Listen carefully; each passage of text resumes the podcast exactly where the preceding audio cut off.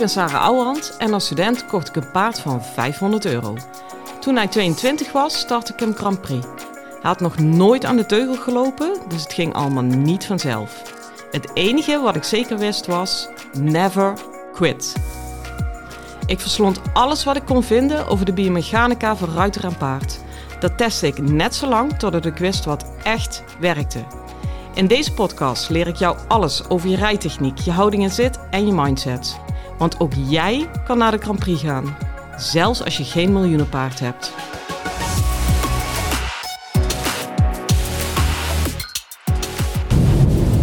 Goedemorgen, lieve paardenmensen. Althans, voor mij is het goedemorgen. Uh, 8 uur s ochtends. Ik ben op weg naar het mooie Zuid-Limburg. Uh, en gisteravond ben ik teruggekomen uit het nog mooiere misschien wel West-Friesland. Ja, dan heb ik zo ongeveer het hele land doorkruist dit weekend. En uh, ik zat net nog te denken, ik denk, zou altijd meteen denken, joh, heb je wel zin om zo lang in de auto te zitten? Uh, maar het maakt me eigenlijk nooit heel veel uit tot ritten van twee uur. Voordat de mensen uit Groningen en Friesland dadelijk in mijn nek springen. Anyways, normaal doe ik na een clinic even een opname maken. Dat was dus uh, gisteravond, maar toen had ik onverwachts uh, een vriendin anderhalf uur aan de lijn. Dat gebeurt zelden, dus dat heb ik een keer lekker voor laten gaan. Maar, maar, maar, er is toch wel in West-Friesland, eigenlijk is het Venhuizen bij Horen, dusdanig iets goeds gebeurd. En eigenlijk in de weken daarvoor al.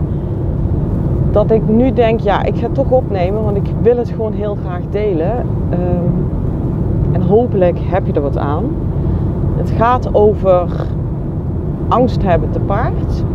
Daar ben ik al twee keer eerder over begonnen. Maar ja, ik denk dat je hier nooit echt over uitgepraat raakt. Zeker niet als je er middenin zit. The thing is, ik heb in Venhuizen een ruiter die echt al, nou toch al een aantal jaar bij me rijdt. Maar zij is zo ongelooflijk dapper geweest om als volwassene te gaan paardrijden.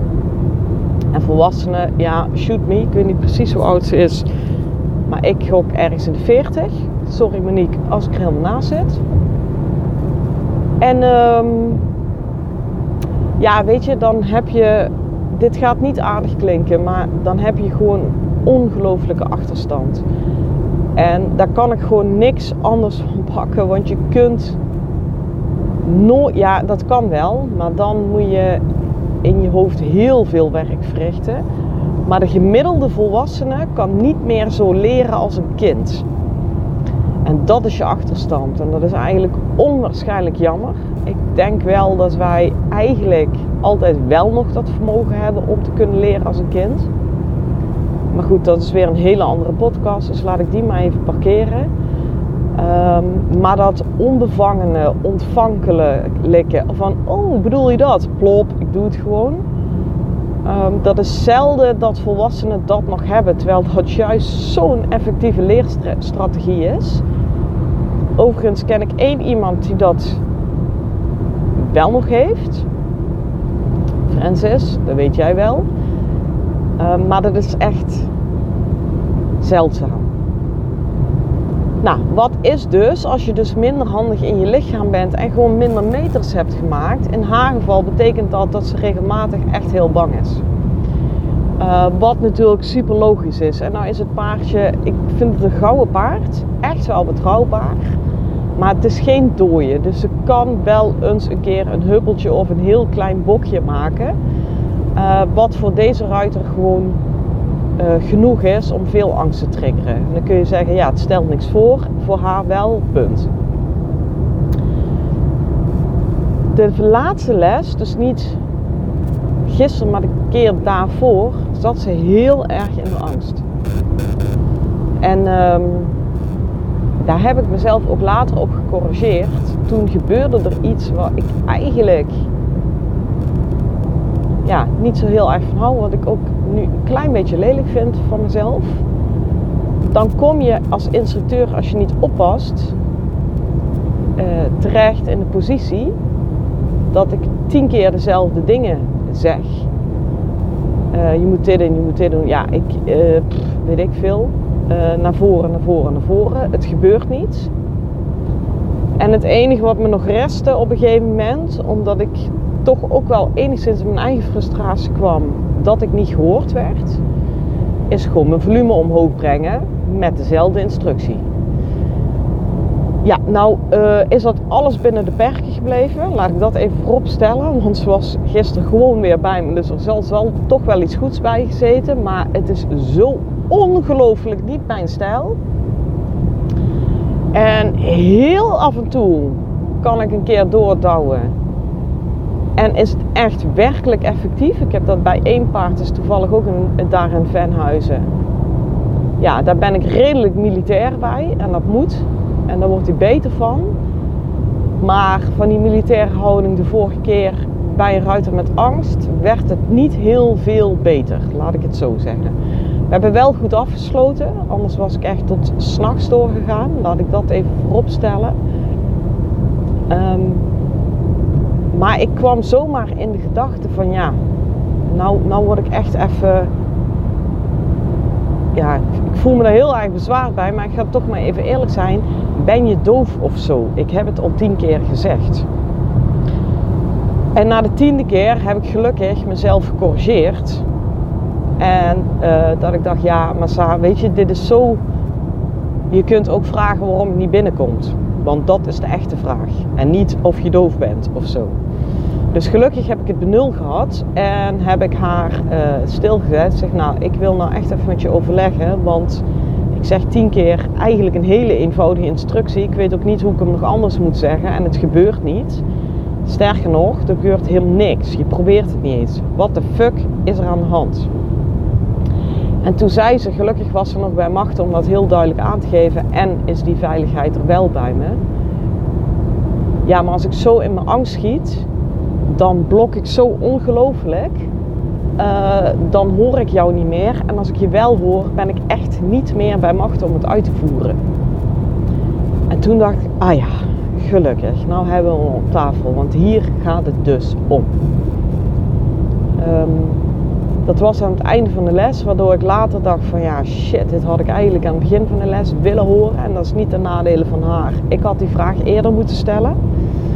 Uh, maar door dat antwoord hebben we toch nog, heb ik de instructie nog kleiner gemaakt. Ja, ik noem maar iets, ik weet niet meer hoe die er toen uitzag, maar bijvoorbeeld beweeg je dikke teen.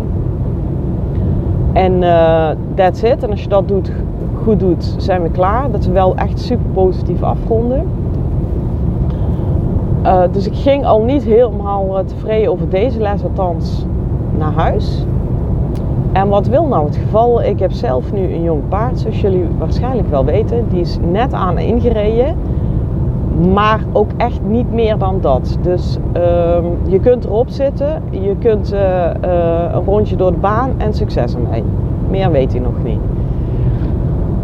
En um, de laatste keer dat ik op zo'n jong paard heb gezeten, is het gruwelijk misgegaan. En echt gewoon ongelooflijk hard vanaf gegaan. Ik had ook echt geen schijn van kans. En nog belangrijker, ik had het echt niet zo ingeschat. Ik heb van tevoren heel goed gevoeld. Ik ben echt niet lomp geweest. En toch kwam de out of the fucking blue zonder een aankondiging. In mijn beleving althans is dat volledig geëxplodeerd. Vier benen lucht, kop tussen de benen. Zo hoog, twee meter van de grond. Ja, weet je, ik ben blij dat ik niet in het hek terecht ben gekomen. Nou dacht ik dat ik daar uh, oké mee was. Nou, totdat je een jaar later op je eigen jonge paard uh, stapt en opstapt en denkt: fuck, het komt allemaal terug. Dan zie je ook maar weer hoe trauma's en angst werken. Die, die, die overvallen je per definitie, terwijl je er echt eigenlijk vaak geen notie van hebt. Nou, lang verhaal kort, want anders gaat het even te veel over mij en dan heb ik even, dat hoeft niet.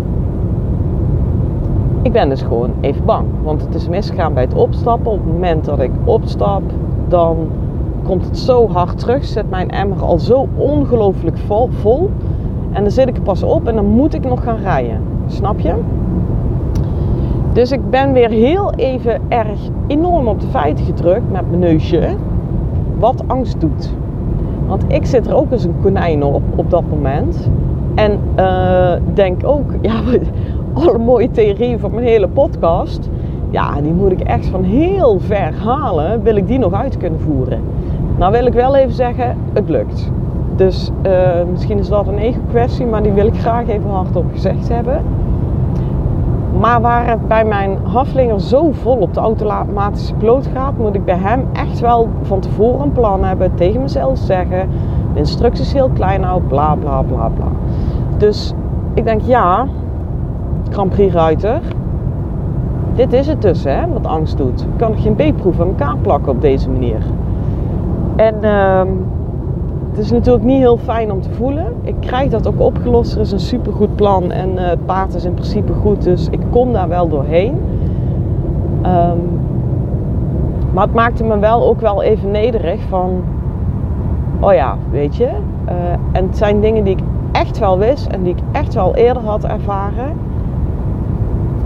Maar die je toch weer even met de voeten op de grond. Je moet ze af en toe nog steeds blijven ervaren om met de voeten op de grond te blijven.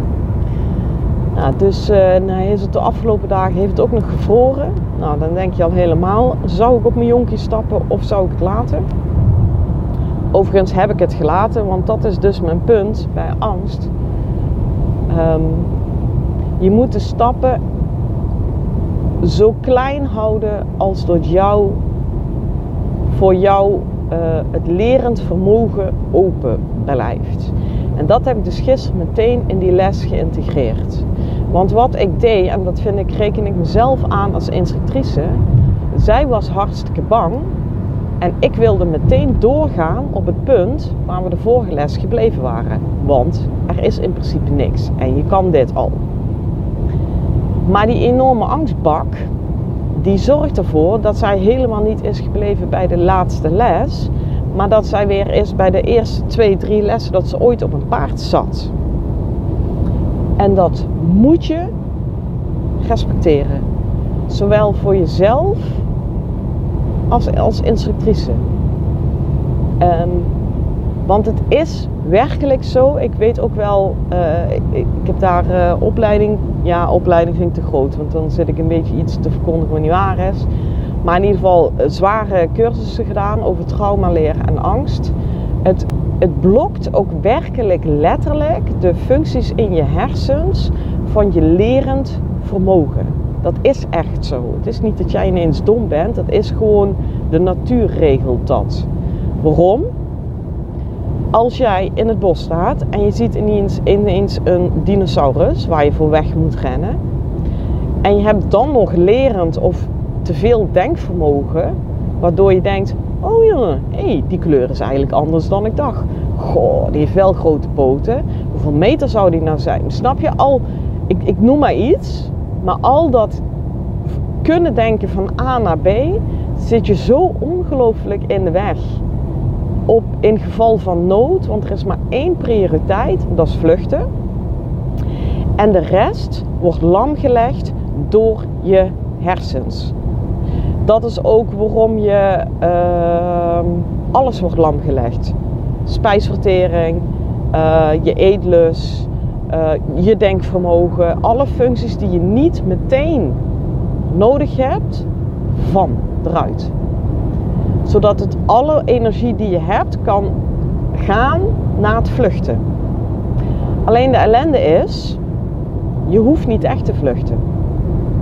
Ja, daar kun je een boom over opzetten, maar jij zit op de paard, heb je voor gekozen en in, in die zin wil je niet vluchten. Maar je lichaam is er wel volledig op ingesteld. Ja, en dan kom je dus in de ellende dat je lerend vermogen tot bijna nul gaat. En dat die instructeur met een rode gefrustreerde kop in de baan staat. Ben je doof of zo? Um, ja, dat, dat, dat gaat hem natuurlijk nooit worden. En waarom ik dit echt zo opneem, is niet omdat ik er per se meteen. Ik heb wel een kleine, nou ja, een behoorlijk handvat. Maar ik heb niet per se meteen een oplossing voor je, omdat dit zulke diepe reflexen zijn. Uh, soms is het wat het is. Maar wat ik wel wil, want ik gun je dat zo, want het heeft mij zo ongelooflijk geholpen op bepaalde punten in mijn proces. Dat je echt ziet dat het zulke diepe fysiologische processen zijn. ehm, dat je dat aan zich al wat uh, kalmeert en helpt om het te accepteren. Ehm, en dat je er op die manier een beetje mee kan gaan spelen. Want als zij de vorige les, ik weet niet of dat zo is, af was gestapt met van oh ik ben dom en ik kan het allemaal niet en weet ik veel wat. Ja, weet je, die zelfspraak helpt natuurlijk op geen enkele manier. Maar sinds ik weet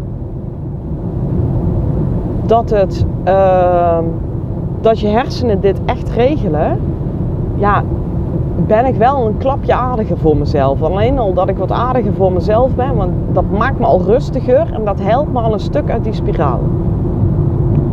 Dus dat is uh, de first thing waarom ik dit aankaart. Maar ook omdat ik je dus op het hart wil drukken. En dat is gisteren in die les ook gebleken.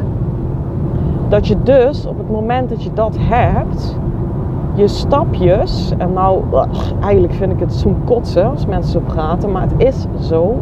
Op dat moment moet je de stappen die je neemt heel klein maken. Als ik het omdraai, je moet ze net zo groot maken als dat je lerend vermogen open blijft. Als ik dan even bij mijn eigen voorbeeld blijf. Bij mij zit de trigger bij het opstappen. Want daarna ja, de, ik er eigenlijk zo mee weg. Ik, die, diegene die hem heeft ingereden, die heeft ook gezegd... Sarah, ik heb echt nog nooit iemand gehad die hem zo goed overneemt als jij. Ja, in het rijden. Maar bij het opstappen gebeurt er iets waardoor ik dat later niet meer kan. En... Uh, dus wat ben ik nu aan het doen? Ja, ik ben op aan het stappen. En dat is een fase waarin dat paard al lang voorbij is. En ik moet je eerlijk zeggen, ik, ik moet echt een, een klapje met mijn eigen ego vechten om het daarbij te laten. Uh, nou, dat is al helemaal tricky of teasy. Omdat ik sowieso omdat ik dat compliment heb gekregen, denk oh, daar ben ik eigenlijk wel trots op. Uh, want jonge paardenrijden is echt een ander vak dan Grand Prix rijden. Het zijn gewoon twee verschillende disciplines. Maar ja, ook gewoon, ja jeetje, ik zit alleen maar op te stappen. De paard is al veel verder, weet je. En al, ik merk zelfs als ik het tegen jullie zeg, doet het ook weer wat. Dat ik mezelf moet dwingen om het te zeggen. Overigens is dat ook weer uh, heling. Het hardop zeggen en het dan toch oké vinden.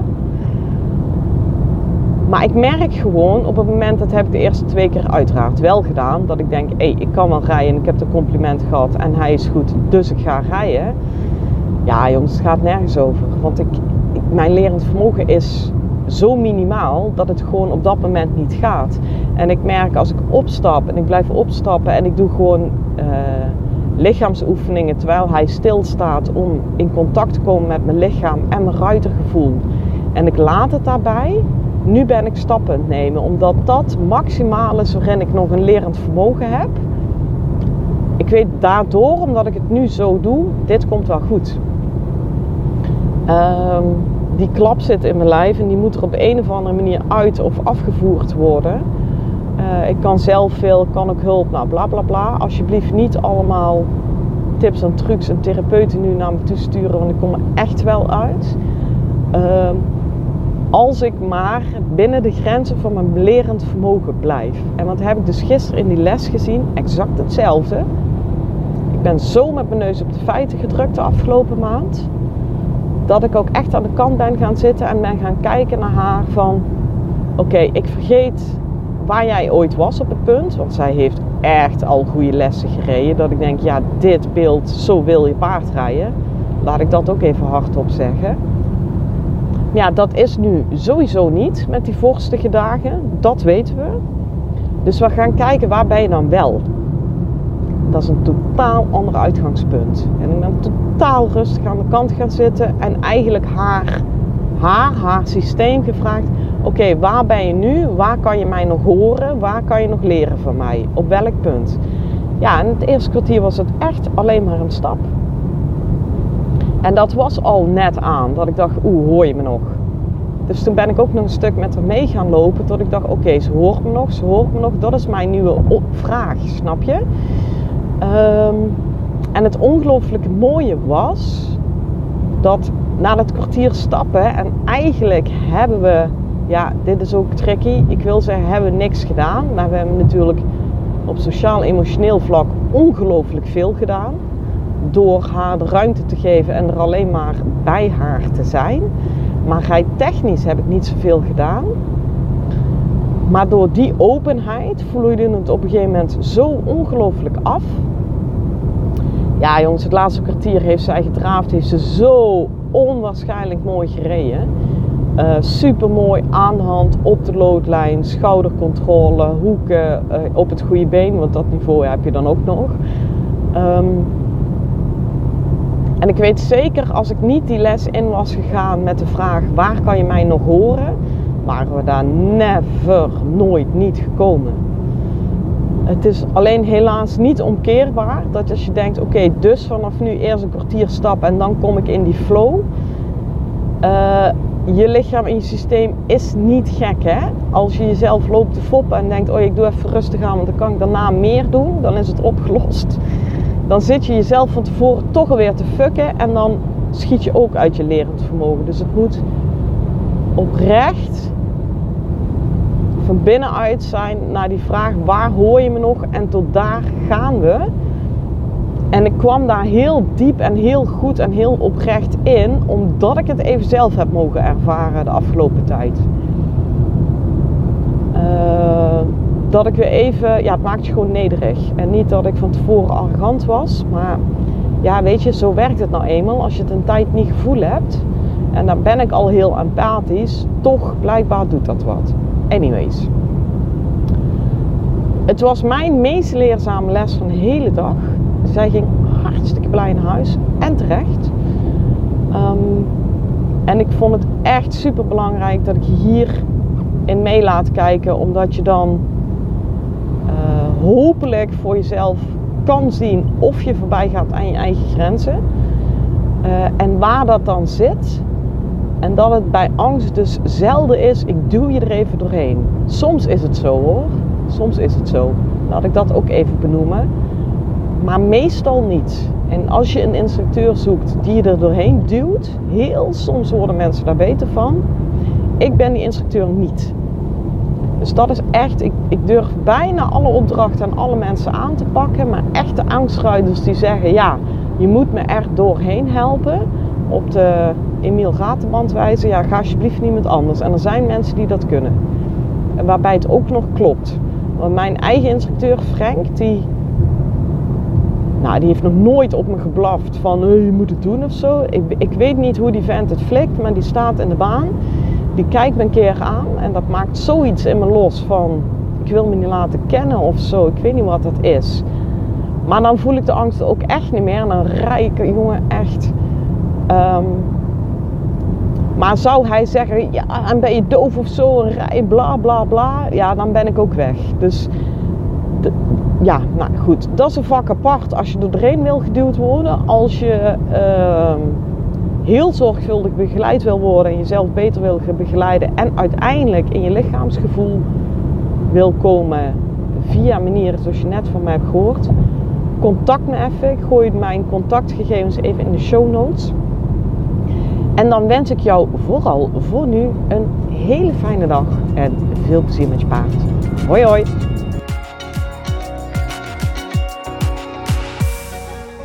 Lieve ruiters, dit was hem weer voor vandaag. Waardeer je mijn tips? Geef me sterren op Spotify en iTunes. Dat voelt voor mij als een dankjewel. En geef je paard een knuffel van me.